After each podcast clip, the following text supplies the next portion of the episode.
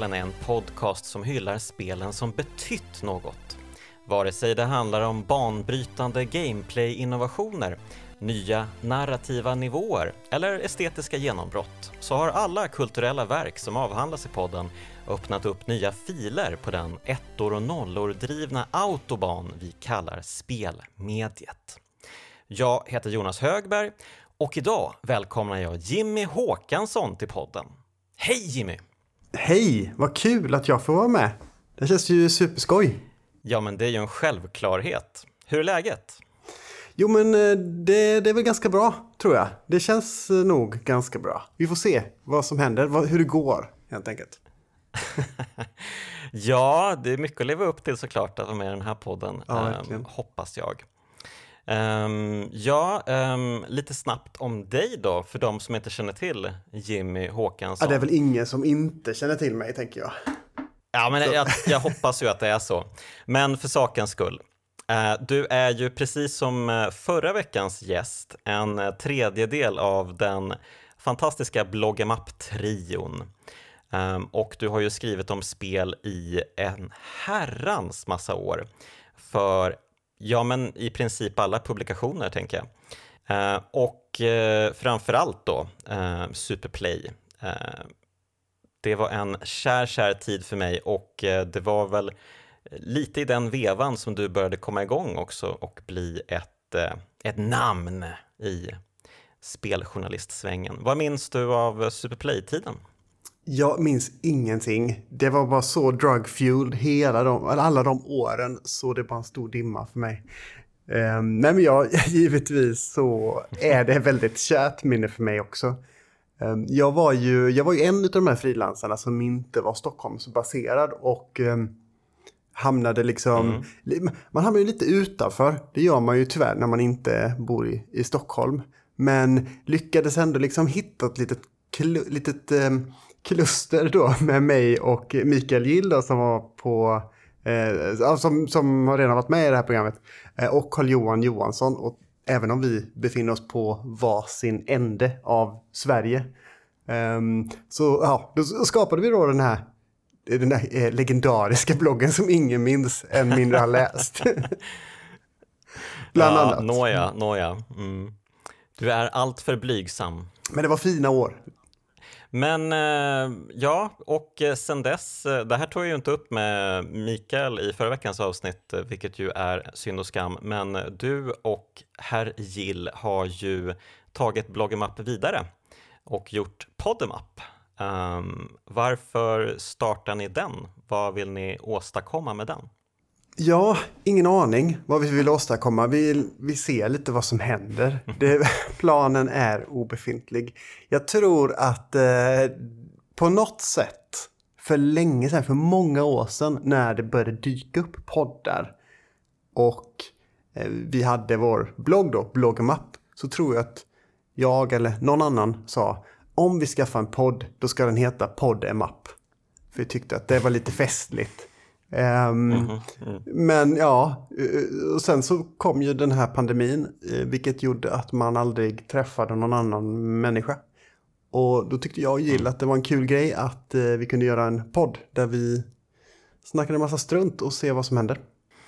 Ja, det är en väldigt bra podd vill jag tillägga. Um, en av uh, de bästa. Uh, ni pratar ju inte bara om spel i den, utan det är ju um, nöjen överlag antar jag. Um, vad liksom är, um, har ni någon avgränsning överhuvudtaget? Om vi har någon form av redaktionell linje så är svaret på allt, eh, liksom alla andra frågor som eh, antyder att vi har någon strategi eller plan, så är det nej. Men, eh, ja, men lite grann så här, jag är ju ganska Eh, jag vet inte om jag är lat av naturen eller effektiv av naturen. Men det brukar ofta bli ett ämne som jag har skrivit om. Eller som jag kommer att skriva om. Eh, just för att kunna spara lite research-tid. Och, och, lite så tror jag det är för Jill också. Men det kan ju vara allt möjligt. Det kan ju vara allt från typ att vi diskuterar arbetsplatsdrama i tv-serier till Eh, vi diskuterar eh, Alan Moores eh, livsverk, eh, serietidningsskaparen, till att eh, vi har testat något kul spel som vi vill prata länge om. Allt mellan himmel och jord. Ja, nej men det gör ni, det gör ni med den äran tycker jag. Um, vi har ju i den här podden, eh, eller framförallt jag då, som återkommer varje vecka. Jag har ju pratat med ganska många ehm, bättre begagnade speljournalister och nu antyder jag inte att du är en sån. Du och herr Gill skriver ju och pratar ju fortfarande väldigt mycket om spel. Men det vore ju någon sorts skandal ändå om jag inte gjorde en sorts poäng om halveringstid här med tanke på spelet vi ska prata om. Um, vad, vad, känner du att din halveringstid ligger på, Jimmy? Ja, det, alltså det är väl på i paritet med typ plutonium eller uran. Jag vet inte, jag har inte riktigt kollat upp den, men däromkring. Nej. Mm. Ja, vi ska ju prata om Half-Life idag. Um, spelföretaget Valves allra första spel och uh, ja, ett kraftspel som heter Duga. Um, och det är ju du som har önskat spelet. Vad, um, Vadan detta? Varför vill du prata om Half-Life? Ja, och det känns det lite som så här, ring så spelar vi. Eh, att jag eh, ringt upp. um, jo, men anledning till varför är ju att... Ja, det finns flera anledningar. Um, ett var, jag lyssnade på det första avsnittet av Kraftspelen med Johan Mattisson när ni snackade om Tomb Raider. Och då fick jag den här, åh vad kul att prata om ett spel som knappt går att spela idag. Eh, för att det är så här arkaiskt. Mm. Mm. Det är inte liksom ett Super Nintendo-spel eller liknande som ändå um, var, liksom, vad ska man säga, fungerar på ett annat sätt idag än ett sånt här gammalt 3D-spel. Um, ehm, en annan mm. anledning till att jag vill spela det är för att jag egentligen hade velat spela Unreal, det första Unreal. Men eh, när jag kollade upp det på, mm. vad heter det? Epics Megastore eller vad det nu än heter så, kost, så var man tvungen att köpa ett stort paket av det. Och, och, och då kände jag att ah, nej, men jag vill inte okay. ha massa sånt. Och det här hittade jag alldeles gratis. Så här är vi. Och dessutom så är det bra. Okay. jag har givetvis... Nöden har ingen jag har lag. givetvis eh, liksom, supernostalgiska eh, kopplingar till det här spelet. Det var ju... Det var lite, vägde lite mellan Unreal och Half-Life.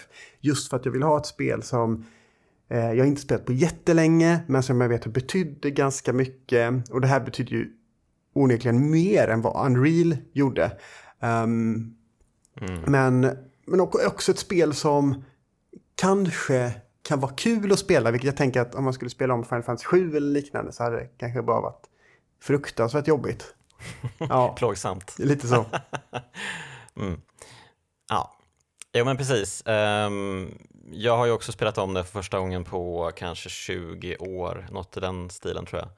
Um, och uh, det var ju faktiskt uh, en betydligt bättre spelupplevelse än vad Tomb Raider var vill jag tillägga. um, men uh, absolut, det har ju sina skavanker. Det är ju ändå ett spel från 1998. Och oj, vilket spelår det var. Herregud. Um, det känns som att alla spelår på 90-talet var OMG-spelår. men 98, oj oj oj um, Zelda Ocarina of Time, um, Quake släpptes väl då också? Eller var det Quake 2 kanske? Men, jag vet uh, inte. Mm. Ja, Quake 2 kanske det var. Mm. Ja, men många spel var det och Half-Life dök upp mitt ibland dem och eh, kanske var det så att det hade störst inflytande av dem alla. Um, vad, alltså, vad minns du av första gången du spelade Half-Life? Ja, det man... Vad minns jag egentligen? jo, men det kändes ju... Det som var unikt för Half-Life var ju att man kom in i en värld på ett sätt som egentligen inga andra spel i den genren verkligen gjorde. Det var ju det som var så stort med Half-Life, att det byggde en värld. Det byggde ju inte enstaka banor. Jag tänker omedelbart på den här eh, introsekvensen som var så himla spännande eh, mm. då, för det var ju ingen, inget annat spel hade tänkt i de banorna. Att eh, sätta en spelare på eh, ett tåg som går på räls i, jag tror det är typ fem minuter, där man är på väg till jobbet. Mm. Och det är ju det man vill spela efter man har kommit hem från jobbet. Ett spel där man är på väg till jobbet. um, ja, nej, men det, mm. det kändes ju nytt och annorlunda redan eh, i samma sekund som man startade. Det minns jag. Mm. Ja, nej men absolut. Det var ju en märklig eh, upplevelse som du säger att vara på det där eh, tåget ehm, eller trammen eller vad man ska kalla det, linbana kanske det. Um, och ta sig in i den här forskningsanstalten för att uh, gå till jobbet helt enkelt. Det var ju en uh, bisarr tanke när man hade spelat uh, första persons skjutare som Doom och Quake och där det gick undan. Mm. Um, det var ju action from the get-go. Men Half-Life, det förändrade ju storytelling i tv-spel oerhört mycket. Um, just eftersom man fick en historia på riktigt till sig och inte via mellansekvenser som började bli um, en grej i spel vid den här tiden. Um, och eh, det är ju väldigt speciellt ändå fortfarande att uh, få till sig små, små tidbits av handlingen via vetenskapsmän och uh, vakter som uh, um, säger någonting ja, men liksom bara apropå i förbifarten och så får man pussla ihop saker och ting och sådär.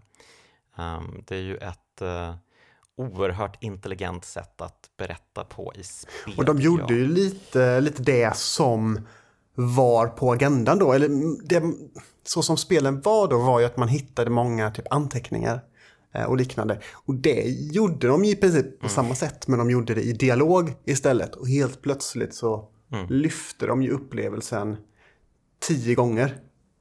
Eh, så det var ju väldigt, väldigt mm. smart.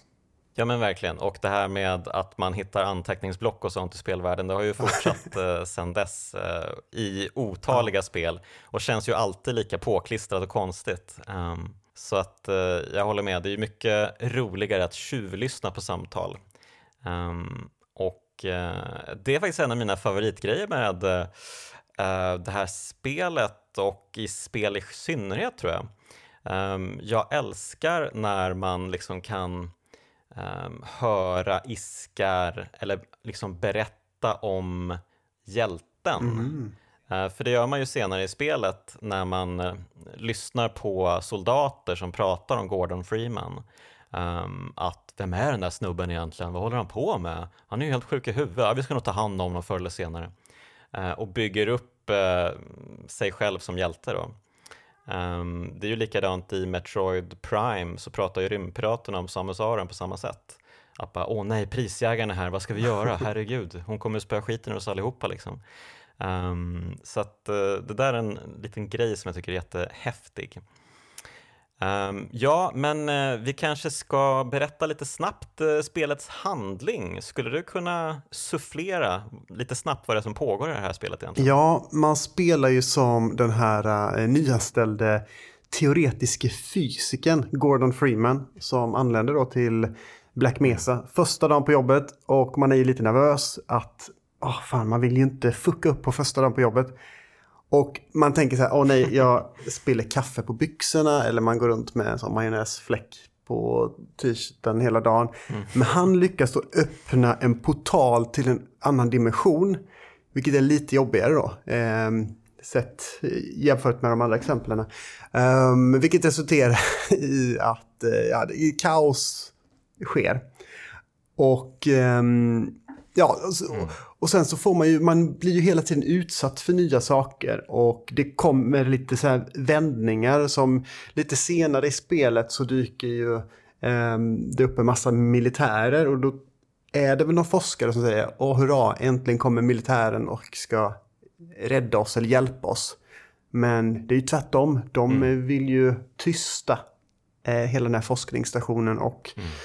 eh, ja, ta tillvara på den här interdimensionella eller utomjordiska grejerna. Som, man vet ju inte riktigt, så vitt jag förstått, att om det är från en annan dimension eller om det är från en annan planet. Eh, det är inte jättetydligt. Eh, mm. Det, det sker och samtidigt så är det ju en, en person som man ser i i periferin dyka upp lite då och då. En man klädd i ja, kostym och en sån här attachéväska som går runt och är lite mystisk. Mm. Det är väl i stora drag det som händer. Ja, en eh, Arkivex-figur i samma stil som eh, Cigarettmannen. Eh, en mystisk byråkrat som har järnkoll på läget verkligen. Ehm, och som väl får antas vara den egentliga ehm, huvudpersonen bakom kulisserna av allting. Uh, ja, det är ju mycket som pågår helt klart. Uh, man, det är ju en ganska lång kampanj um, tycker jag. Um, jag fick uh, kämpa en hel del för att hinna bli klar med den till det här avsnittet. Um, det blir ju lite, lite kämpigt när man kommer till uh, Xen, den här dimensionen eller planeten eller vad mm. vi ska mm. kalla det, där utomjordingarna kommer ifrån. Eh, det är där spelet avslutas och eh, det är ju många som inte är så överförtjusta just den delen. Um, vilket ju, jag tyckte det var roligt att um, um, moddarna har ju gjort en, en version, en uppdaterad version av Half-Life som heter Black Mesa. Ja, och där, där har de ju utökat uh, Xen-delen så att den är typ, uh, jag vet inte, tre gånger längre. Oj, ja. Um, jag undrar hur de tänkte där. En sak, en sak handlingsmässigt eh, som jag tänker på som sker där i Xen, världen Xen, dimensionen Xen, planeten mm. Xen, eh, är ju att man då och då stöter på andra vetenskapspersoner som ligger döda som har på sig de där hävdräkterna, HIV-dräkterna, eh, som Gordon mm. Freeman själv har. Och jag vet inte riktigt mm. hur de tänkte när de gjorde det här spelet, men det som eh, det de säger här är ju att vi har varit här tidigare. Vilket mm. antyder då att olyckan är ju orkestrerad. Um, och jag, jag, vet inte riktigt hur, hur, mycket de har tänkt igenom där eller om det är... Ja, oklart. Ja, det, får mig att, det får mig att tänka på um, ett spel som kom i år, Returnal. Um, där man ju spelar en karaktär som upptäcker lik från andra um, astronauter. Uh, lik som är en själv, fast ja, från en tidigare tid eller en annan dimension eller dylikt. Um, och då är ju tanken, ser Gordon Freeman sig själv ligga på marken i många olika utföranden i Xen? Um, det kan man fundera på. Mm -hmm. Mm -hmm, mm -hmm. Vad vet jag? Jag bara skickar ut en tanke. Vågat. I vanlig stil. Ja, uh, ja. men uh, titelskärmen är ju egentligen enda tillfället man får att uh, lägga ögonen på Gordon Freeman. Mm. Um, han har ju liksom stålig blick och möjligtvis även stålbågade glasögon. Um, och lite mer beslutsam än jag föreställt mig honom. Um, men eh, visst, han blir ju en one man army um, ganska snabbt. Men uh, vi kan väl prata lite om Gordon Freeman som karaktär. Ja, eh, någonting som jag måste säga direkt uh, i den titelskärmen. Det jag tänkte på, jag, jag vet inte om jag såg den här filmen strax innan jag spelade spelet eller om jag såg det, filmen strax efter jag hade spelat spelet. Men det finns en film som heter The Arrival från 1996. Eh, alltså inte Dennis Villeneuves Arrival utan en 90-talsrulle. Mm. Där Charlie Sheen spelar huvudrollen och han ser exakt ut som Gordon Freeman gör i eh, eh Half-Life. okay. Och det här är två år innan spelet så jag undrar om det finns möjlighet att eh, de, de har blivit inspirerade. Alltså det är, det är kusligt. Mm. Man får, ni får googla det. Ah, det är ungefär som Metal Gear Solid där de har Mikael Bean på omslaget. Ja, precis. Herregud, ja, de snodde hejvilt på den tiden. Um, ja, nej men uh, han är ju en, um, en clean slate, denne Gordon Freeman. Som du säger, ny på jobbet. Ingen vet någonting om honom egentligen. Um, och eh, han har ju en... Man, tidigt i spelet när man går igenom det här forskningslaboratoriet och eh, skiten ännu inte träffat fläkten så eh, går man in i omklädningsrummet och så finns det ju ett omklädningsskåp. Ehm, och ja, om man är ny på jobbet så är det kanske den före detta eh, forskarens skåp. Men jag vet inte om man har varit där och hunnit lägga in grejer, men jag tänkte i alla fall på att det finns ett foto på um, en, en bebis där. Mm. Um, så att, ja, lite så här, ja, finns det någon backstory faktiskt till Gordon Freeman? Mm, osäkert. Men det verkade väl finna, finnas ett litet, litet korn där kanske. Men i övrigt not so much. Nej, um, verkligen inte. Han är ju en klassiskt stum spelkaraktär. Um, vad, alltså, vad, eh, vad har du projicerat på Gordon Freeman? Vad är det du ser när du ser världen ur hans ögon? Ja, um, han, han blir ju en... Just, just för att han, han, han är ju ingen, eh, han är ingen Space Marine, han är ingen Duke Nukem. Han är ju den här vanliga töntiga vetenskapsmannen, men han blir ju någon form av Messias-gestalt. Eh, vare sig han vill det eller inte. Mm. Tycker jag. Men ja, det är väl kanske genom eh, spelaren eller att man själv projicerar det just för att eh, bara ja, mösar ju igenom hela Black Mesa och den här dimensionen ja. utan ha någon form av, gissar jag, tidigare stridserfarenhet. Um... Jag antar det. ja, det är ju jättemärkligt att han blir så himla badass um, from, from the get-go verkligen. Um, men en detalj som jag tänkte på som jag ändå kanske känner att här kanske man ändå känner att det är en människa som inte har uh, varit i den här situationen tidigare är när man plockar upp kofoten första gången och ger sig på en headcrab. Um, då tänkte jag på att man svingar ju den här kofoten så jävla snabbt och hårt och man, nästan frenetiskt. Alltså som man är typ livrädd och faktiskt ger sig på typ en spindel eller någonting. Um, lite samma känsla får jag. Um, så här är väl egentligen enda gången som jag känner att Gordon Freeman är jag. Uh, att han liksom bara shit reagerar på en utomjording och bara herregud vad är det här för sjuk skit? Uh, jag måste kill it with fire, men det har jag inte, så jag tar den här kofoten istället. Då. Det hade ju varit um, eh, intressant, liksom, ett karaktärsbygge att få ha den här stumma karaktären reagera på olika sätt när han liksom mm. första gången han skjuter med pistolen exempelvis så kanske han tappar den eller någonting eller blir nervös eller hur, hur det skulle kunna vara. Mm. Och sen så bara blir det, det är mer och mer bekväm mm. i rollen som eh, Rambo. Ja men precis, det hade ju varit alltså, en liten grej bara. De hade ju kunnat dra ner på um, farten på kofoten, alltså att han slår hårdare men långsammare mot slutet, som att han, eh, han vet hur man hanterar den och hur man gör bästa möjliga skada med den. Det hade ju varit en oerhört snygg detalj um, för att bygga honom och hans resa. Liksom. Mm. Um, nåväl, där missar ni valv. Fy skäms.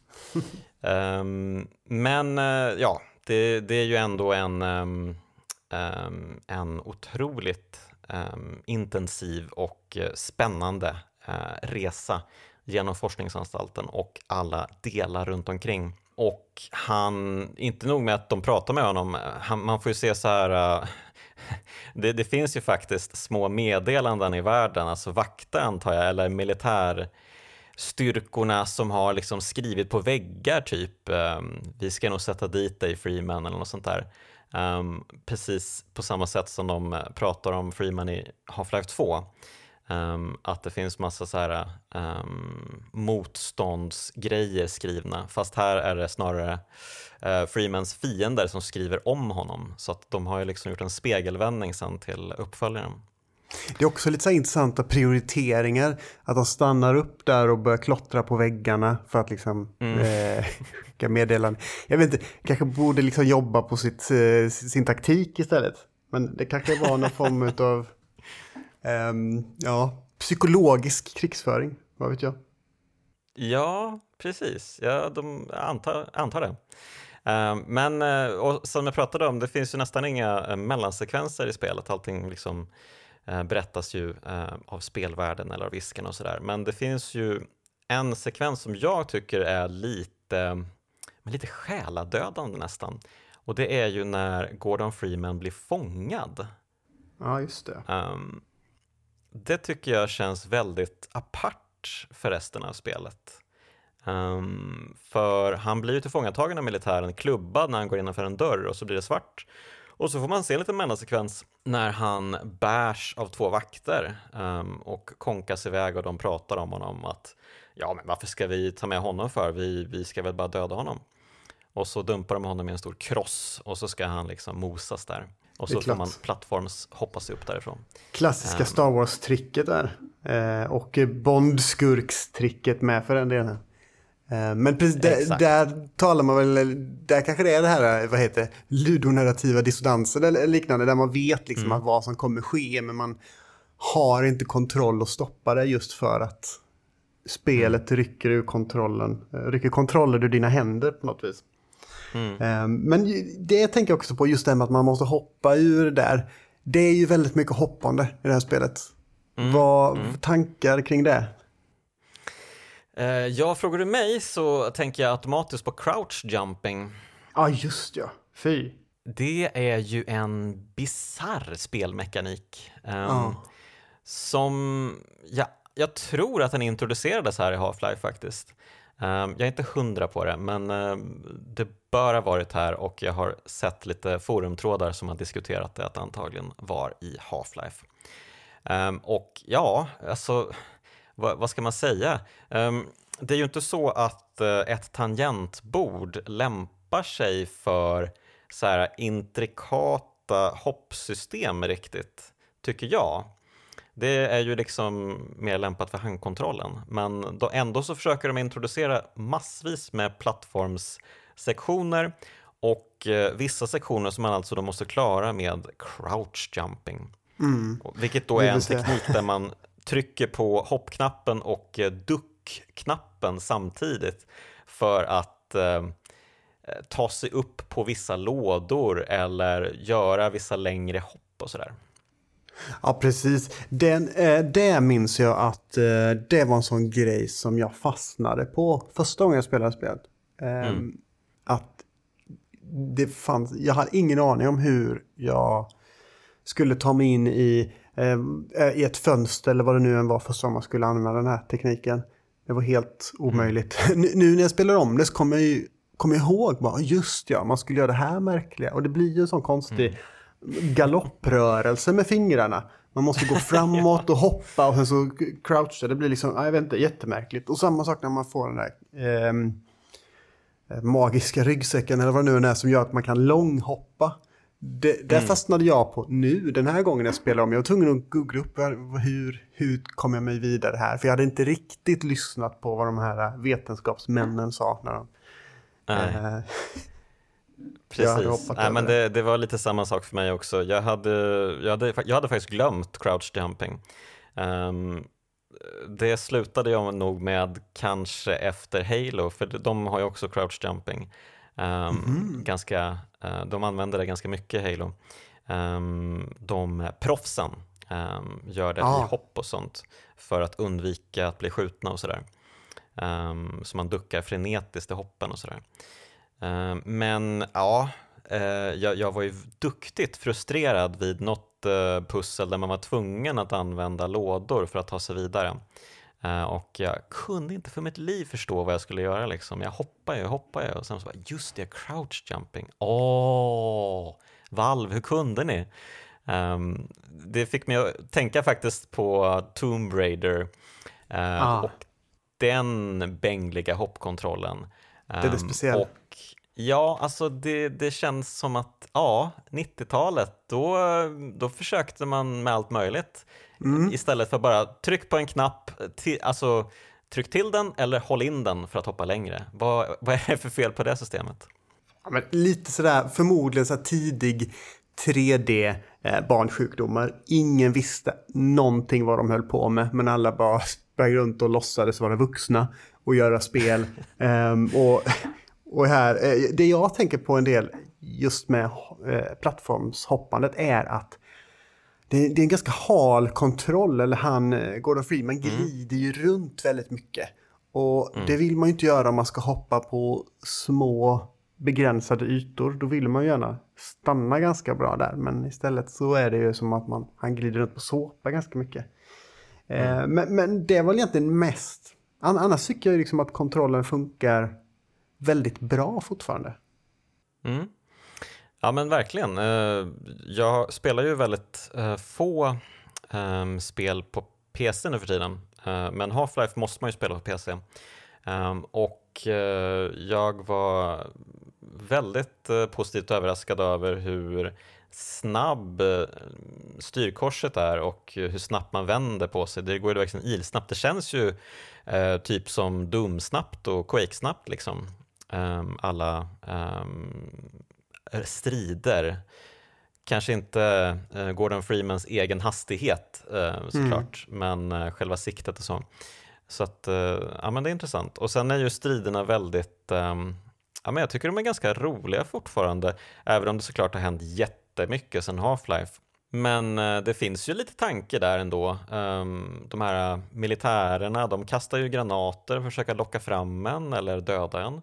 Eh, mm. och tjurrusar ibland. Um, och sen så de här utomjordingarna, de teleporterar in bakom en och försöker sätta dit en. så att uh, det är ju ändå en del, liksom, man måste ju hela tiden vara lite försiktig och tänka sig för och uh, vara uppmärksam på ljuden um, som uh, ja, ger en indikationer på att uh, någonting är fruktansvärt fel i ens närhet. Så att, jag, jag tänkte på det med granaterna och de olika fienderna, för det är människor och det är ju monster får jag säga då, för jag vet ju inte om de är utmodingar eller något liknande. Mm. Eh, och en kul grej som var ganska ovanligt då var ju att de kunde ibland strida mot varandra, så man kunde ju försöka få dem att liksom ta koll på varandra så att man själv fick ta hand om resterna. Men också mm. att eh, det här med granaterna var ju rätt roligt för man fick ju ha lite olika taktik där. Kastade man granat mot fiendesoldaterna, då sprang de ju iväg därifrån. Eh, då kunde man använda det som en taktik, att man kastade mot ett rum och då visste man att då skulle de springa ut och då kan man skjuta dem. Kastar man det mm. på ett monster, då stod de bara kvar för de visste inte vad en granat var för något. Och mm, det, mm. det är en ganska, det är fortfarande en ganska rolig grej eh, när man tänker på det. Och det är ju en del i liksom hela, eh, he, hela den här eh, realismen som ändå finns i det här spelet som inte fanns i, i de andra genrespelen. Jag såg en liten eh, lite rolig anekdot var att i instruktionsboken så kunde man läsa var man hittade vapnen och liknande. Och då stod mm. det någonting så här. Um, In-game weapons are found in practical locations rather than just floating in the air. Ah. Och jämfört då med, eh, ja, med typ Quake eller liknande. Då det bara, då det snurrade i luften eh, mm. och alla andra sådana spel. I, i Half-Life så måste man ju nästan så är det ofta att man hittar det att det är kanske någon som är död som ligger ner och så kan man plocka upp eh, den personens ammunition. Eller så um, har de någon liten, vad heter det, lagerutrymme där det kanske finns mm. lite hagelskott eller liknande. Just det. Och sen så de här lite mer um, experimentella vapnen eh, stöter man ju på i eh, forskningslaboratorium där de håller på att testa de här vapnen också. Så då kan man plocka upp en laser eller en jättemärklig, eh, jag antar att det är någon sorts dimensionsportal som man liksom skjuter och förvränger deras verklighet så att de helt försvinner. Um, jag måste säga att jag minns inte alla de här vapnen um, men, eh, ja, men ganska kul. Det märks ju att eh, det, det fanns någonting som leder fram till eh, Gravity Gun i Half-Life 2 ändå, här. Mm.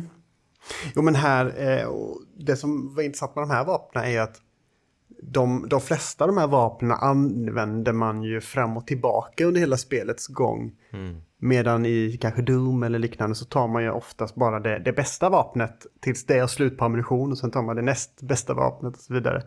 Yes. Um, däremot så tycker jag att både automatgeväret och hagelgeväret var väldigt dåliga vapen. Um, mm. Man märker att de inte riktigt hade balanserat dem. Automatgeväret träffar nästan ingenting. Uh, hagelgeväret tar ju en evighet att ladda om. Um, det, det vapnet som jag använde mest är nog faktiskt den, den vanliga pistolen som man har i början. För den mm. träffar alltid exakt där man siktar på. Ja, jag håller med att eh, uh, automatvapnet och hagelbraket, de känns lite um, de känns inte så feta som de borde vara med tanke på att det är militärens uh, go-to-vapen och så. Um, jag tror att uh, Magnum-pistolen är väl typ det bästa vapnet egentligen eftersom det har samma pricksäkerhet tror jag som den vanliga pistolen. Men packs a punch verkligen. Den sänker ja, verkligen. de flesta fiender på två skott liksom. Um, och sen även den här uh, armborstet är ju ruggigt bra. Mm. Um, använder man det på när man kommer till slutbossen, vi kan ju prata om honom sen, um, på de här um, kristallerna som har skölden runt slutbossen så Just behöver det. man bara två pilar för att skjuta sönder dem. Mm -hmm. Och man behöver ju typ ja, men, två tre stycken urladdningar med automatvapnet för att uh, skjuta bort dem istället. Um, så att uh, det känns ju inte som att balansen är helt där i, i vapnen och så. Um, Nej, att, det var mer att, experimentellt. Nej men precis, jag antar att John Carmack och John Romero hade uh, fnyst på, nät, på näsan och det kanske de också gjorde um, när de väl fick spela Half-Life. Men, eh, ja, men en kul ändå. Det finns ju många olika märkliga mm, spelmoment i spelet också um, som dyker upp och försvinner. Jag tänker framförallt kanske på när man får styra en missil, alltså en um, airstrike på ett område. Just det. Mm. Det är ju eh, riktigt häftigt fortfarande tycker jag. Man får en liten gridkarta och sen två olika um, linjaler som man liksom ska passa ihop för att ja, men där ska smällen gå och så ska man liksom um, para ihop dem um, enligt den här gridkartan. Och sa samtidigt ska man alltså spöa en fiende som är en av spelets allra svåraste som ja, typ egentligen bara går att döda antingen med Tesla coils eller missile strikes. Mm. Um, så man ska försöka liksom homa in på den här killen. Eh, och sen ska man också förändra banan för att ta sig vidare. Ehm, skjuta ner en eh, pelare så att den blir en bro över till ett annat område. Ehm, och ja, det, det, är riktigt bra speldesign tycker jag fortfarande. Ja, de är det ganska märks. bra eh, just för att peka åt det hållet man ska till och det man ska göra utan att bokstavligen peka. Utan det är ju, ja. Mm. Ja, snyggt. Um, ja men uh, vad, uh, vad kände du uh, liksom när du spelade om spelet? Var det någonting som stod ut? Var det någonting som ehm, fick dig att höja på ögonbrynen?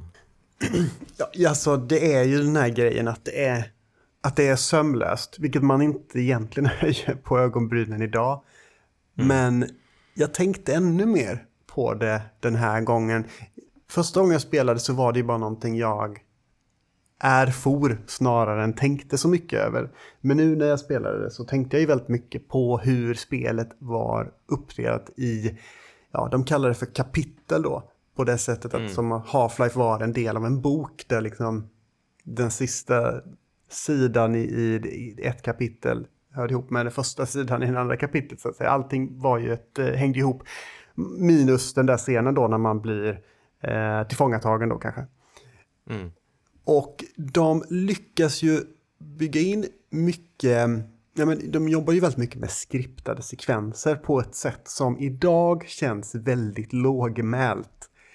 Eh, har man spelat ett Call of Duty-spel så har man ju upplevt det mesta i form av skriptade sekvenser. Men det som är så kul i Half-Life idag är ju just det här att det är lågmält, att det inte känns eh, men det känns minimalistiskt på något sätt, de där små detaljerna de gör för att driva på handlingen eh, och liksom det blir minimalistiskt och, och skärmigt och man känner ändå att man har liksom lite kontroll över situationen jämfört med ett, ja, ett modernt FPS-spel där det är superskriptade sekvenser och man vet liksom att okej, okay, det här är verkligen det här, ja, jag kan lika gärna bara åka en berg och dalbana i princip.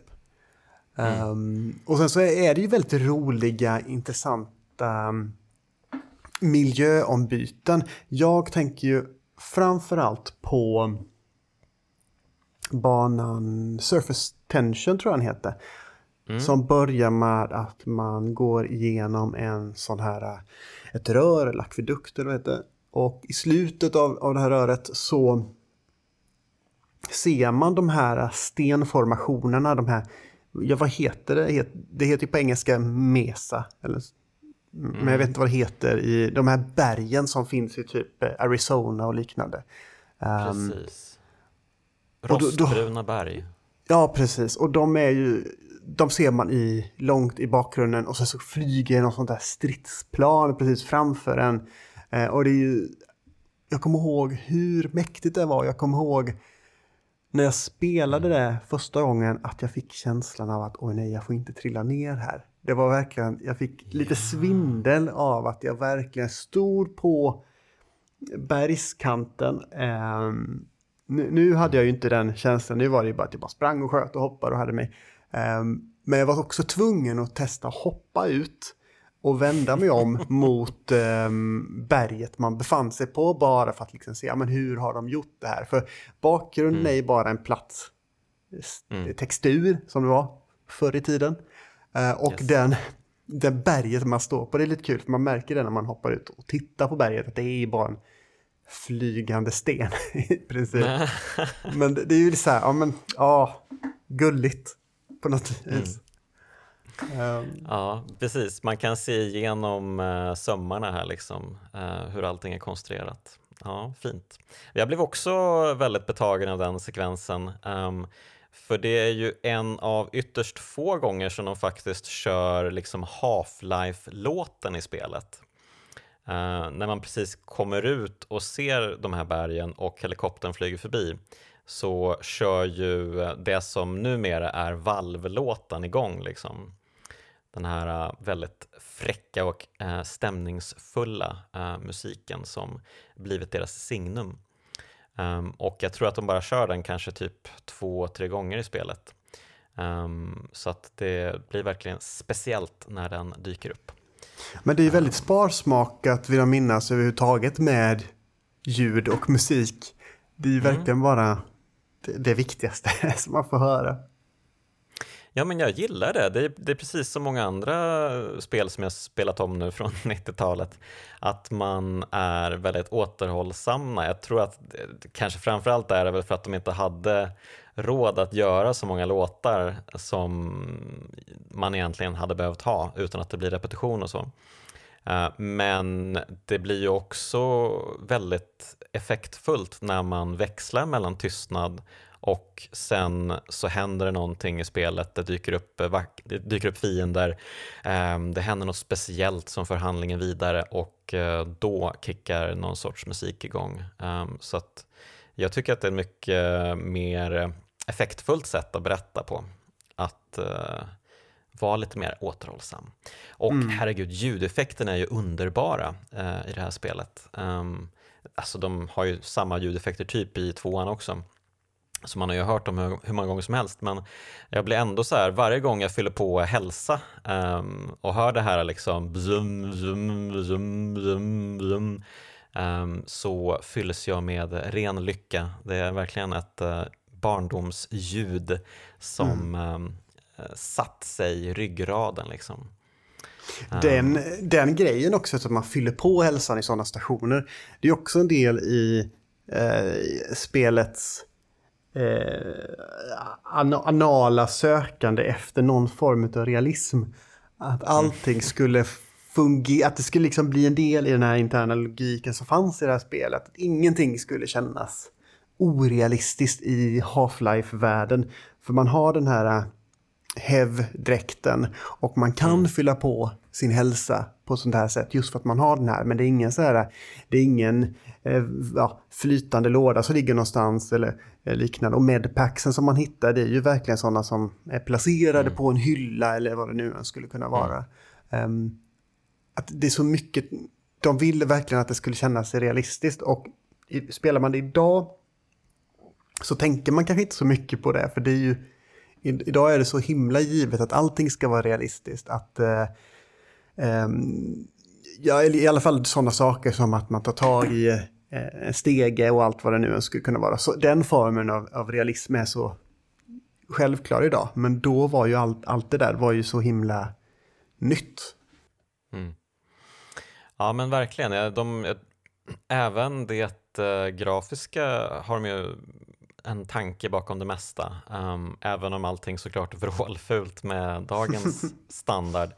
Um, så blev jag lite imponerad ändå över att uh, när man plockar upp kofoten och uh, ser um, att uh, den röda målarfärgen har liksom flagnat av just right. De har verkligen gjort det helt perfekt. Alltså den kofoten är mm, chef's kiss verkligen, den är underbar. Man förstår ju varför den blev ikonisk, för den ser verkligen helt perfekt ut. Uh, ja, men och, de, uh, de flesta vapnen, minus kanske de här eh, experimentella vapnen, är ju väldigt eh, välgjorda. Så var det ju väldigt mycket på FPS-spel, i synnerhet på den tiden, att handmodellerna och vapnen var så här supersnygga och allt annat mm. bara såg ut som prutt.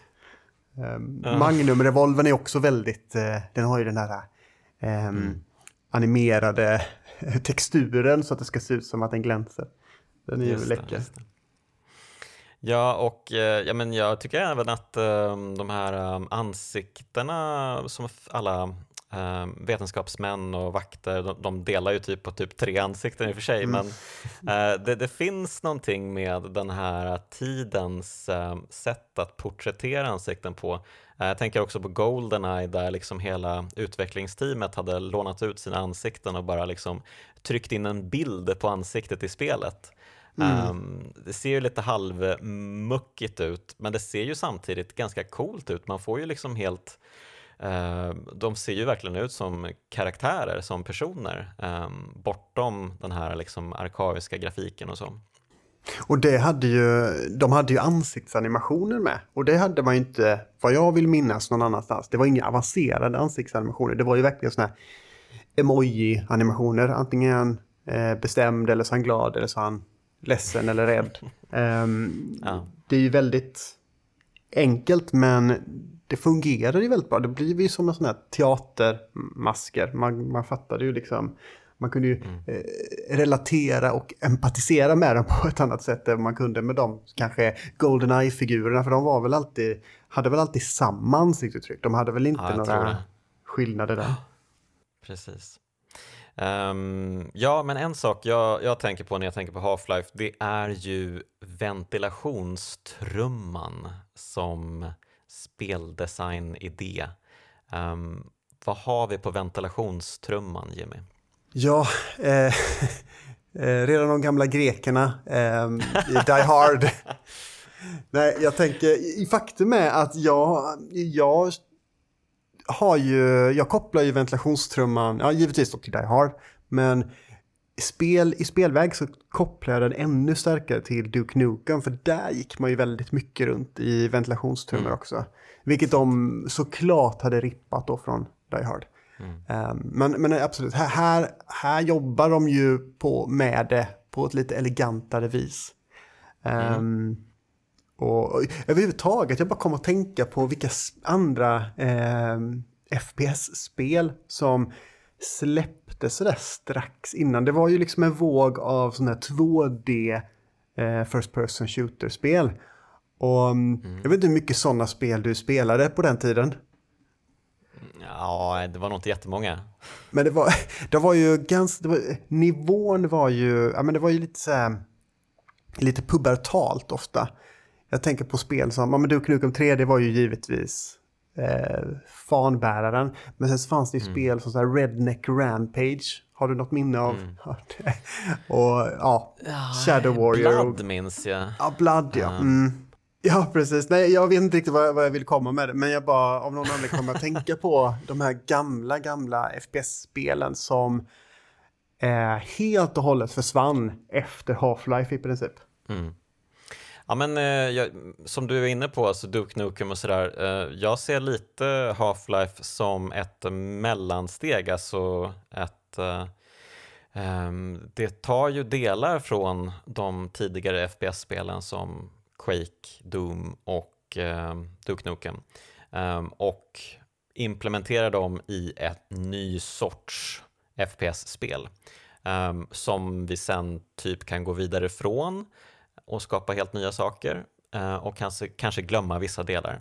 Men uh, jag tycker det är intressant att uh, ventilationstrumman är en sån ikonisk del i spelhistorien. Mm. Att man kravlar runt i de här skitiga, äckliga gångarna i så otroligt många timmar. Um, men ja, det, det, är klart att man gör så för att man sparar ju på um, man sparar ju på grafiken uh, framför allt. Um, man går ju bara runt i typ mörker. Och man har ju faktiskt en ficklampa i spelet. Ja. Det är, måste ju vara en av de absolut första, um, antar jag, någonsin. Det känns som. Så att, Ingen uh, dynamisk ytterligare... ljuskälla dock. Ja, nej precis. nej, men eh, precis. Det, allting är lite wobbly och uh, lite kantigt i det här spelet, helt klart. Um, mm. Men uh, alltså, om vi ska typ eh, försöka eh, konkretisera det här. Vad, ehm, vad är det som gör Half-Life till ett kraftspel tycker du? Ja, ja nej, det, jag får ju falla tillbaka eh, på sättet Dam valde att berätta en historia. För jag, jag, tror ju inte att det var det de egentligen kände att det, det var det här de var ute efter. Jag tror ju att de hade lite spelmekaniska idéer som de ville testa. Men det som jag tycker det här spelet gör så bra och gör att det fortfarande är intressant att testa idag, det är ju liksom hur den byggde en värld och hur eh, den bara liksom öppnade dörrar på glänt för spelaren hela tiden. Det, I alla andra fall så fick man ju hela tiden historier och berättelsen på text. Och, och, i den här textformen så det var ju väldigt tydligt avgränsat. Det här är berättelsen och det här är inte berättelsen. Men i Half-Life så lämnar man så himla mycket till fantasin. Och, och, vi återgår till den här liksom introsekvensen där mm. eh, man bara åker igenom. Det är också lite elegant hur man jobbar med foreshadowing där. Att eh, det finns små grejer som händer här som man på ett eller annat sätt kommer stifta bekantskap med. Um, och en grej som igen de inte tänkte på då, men som var så himla kul för det dyker upp i en expansion pack. Um, det finns, när man, man, passerar en sån här säkerhetsvakt som knackar på en dörr som står på en sån här helt tom avsats mitt ute mm. i ingenstans och knackar på en, en dörr som är låst. Då. Och, och det är så roligt tycker jag för expansionen Blue Shift, Half-Life Blue Shift, handlar om just den där polisen. Och det är det som är en sån mm. eh, rolig eh, grej, att de bara tänkte så här, men tänk om man fick spela som honom istället. Hur skulle det då vara? Mm. Eh, det är ett stort universum utan att... Eh, ja, med små medel så byggde de en stor värld. Det tycker jag fortfarande är elegant. Ja, ja, det är häftigt. De gav liksom huvudrollen till en isk i eh, halvuppföljaren till spelet. Ja, precis. Det, det, är ju fint att tänka så. Um, ja, verkligen. Uh, och som du är inne på, det är ju verkligen uh, storytellingen man tar med sig, alla de här små ögonblicken, framförallt i första tredjedelen av spelet när det fortfarande händer massa sjuk skit. Liksom. En vetenskapsman som hänger ut från en ventilationstrumma och drar upp en annan vetenskapsman för att de ska rädda sig in i, ehm, i ventilationstrumman. Eh, men så väntar en fiende på andra sidan som äter upp dem och spottar ut dem ur ventilationstrummans utsläpp. Liksom. Um, och uh, en annan sak som jag ty tyckte var väldigt um, um, ja, men speciellt är när man går förbi en, eh, ett fönster och på andra sidan står en vetenskapsman och eh, eh, ser en. Och då vänder han sig om och släcker lyset så att det blir helt mörkt i hans rum. Oj, um, ja. Vilket också antyder, vill han inte att jag ska veta om att han är där? Eller är det för att det lurar någonting där inne? Ja, oklart, men väldigt snygg detalj. Mm. Um, och ja, det är många sådana snygga detaljer i Half-Life. Um, men och innan, vi, innan vi slutar kanske vi ska prata om en väldigt ful detalj också, uh, nämligen slutbossen. oh ja. vad, vad har vi att säga om, uh, jag tror man, de kallar honom för The Nihilant. Just det. Um, vad är det för ja. en tjomme? Det är väl någon form av svävande jätterymdbebis.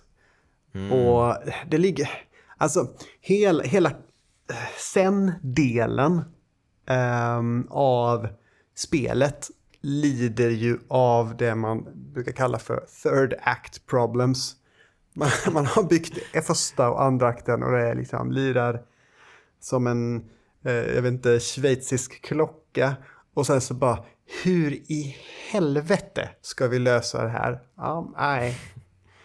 De bara kastar allt mot väggen och, nej men det, det Ja, det, är väl, det är väl inget haveri, är det väl kanske inte riktigt. Men det är ju liksom, det är ju uppenbart att de inte riktigt eh, hade tänkt ut vad de skulle göra där. Den är inte jättebra. Mm. Den, den är så otroligt frustrerande just för att um, den sista bossen vill ju hela tiden teleportera botten. Så att man mm. hamnar, så att, och, och, det är ju jättefrustrerande. Och, eh, men det finns ju ett ganska smidigt sätt att undvika det. Det är ju att man bara går fram till en av de här eh, stalaktiterna, jag vet inte vad det heter, som sticker mm. upp och gömmer sig bakom den. Och på det sättet så blir den här bossfighten superenkel om man bara gömmer sig bakom en sån. För då kan man ju skjuta på honom och skjuta på allt annat samtidigt som man är helt skyddad från hans attacker. Mm. Inte jättebra ja. design. Nej, det får man ju verkligen säga. Um, och uh, jag håller med, hela just uh, slutakten, de, de, har ju en annan boss uh, här också. En stor spindelliknande sak med en jättepung som hänger ner. Mm. Um, också en märklig detalj när man tidigare knappt haft en boss i spelet så dyker det upp två stycken i den här liksom, um, ja, dimensionen eller um, planeten, var man nu befinner sig.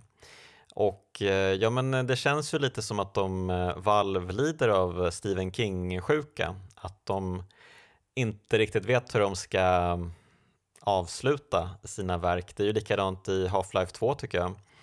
Eh, när man ska ta sig upp för den här um, stora byggnaden är det ju svintråkigt verkligen. Um, absolut sämsta delen i spelet. Uh, och dessförinnan har det ju varit ett sju jäkla drag, ett uh, fantastiskt spel som slutar med ett jaha, mm. okej. Okay. Ja, just det. Ja, ja, det var också ett sånt spel som jag funderade lite på, skulle man ta det istället? Men, uh... Ja.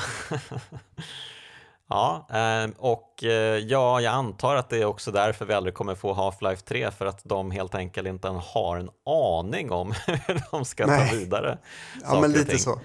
Däremot första och andra akten och sen så, nej. Vi, Just det. De, de har vi... lärt sig av sina Aha, misstag. Det är det här med att man ska, ja, ja, ja. Ett slut, ja, jag vet inte riktigt. Så att, uh, ja. Kanske ska kanske tacka dem för den. Ja, det kanske är så att de skäms helt enkelt. Um. och det är kanske är därför vi aldrig får Half-Life 3. Nåja. Men uh, det här var ju inte så dumt att få spela om ett uh, ett ganska bra gammalt spel. Um, det var trevligt för en gångs skull. Så tack för det Jimmy. ja, varsågod. Eh, varsågod att du var tvungen att typ stressa igenom hela din helg. Ja, det är lugnt. Det är lugnt. Det var, det var så härligt så. Um, ja, Half-Life, vilket, uh, vilket spel. Um, och uh, Jimmy Håkansson, vilken gäst. Tack så mycket. Ja, tack för att du var med i Kraftspelen och uh, lycka till med Podemap och eh, allt du företar dig. Fint, fint. Tack så mycket. Tack så mycket för att jag fick vara med. Ja, då har det blivit dags att leverera ett stort rungande tack till min härliga gäst Jimmy Håkansson. Och ett stort härligt rungande tack till dig som lyssnat och även till de underbara killarna i 047 som gjort eh, Kraftspelens signaturmelodi. Funderar ni kanske på kraftspelens egen halveringsperiod?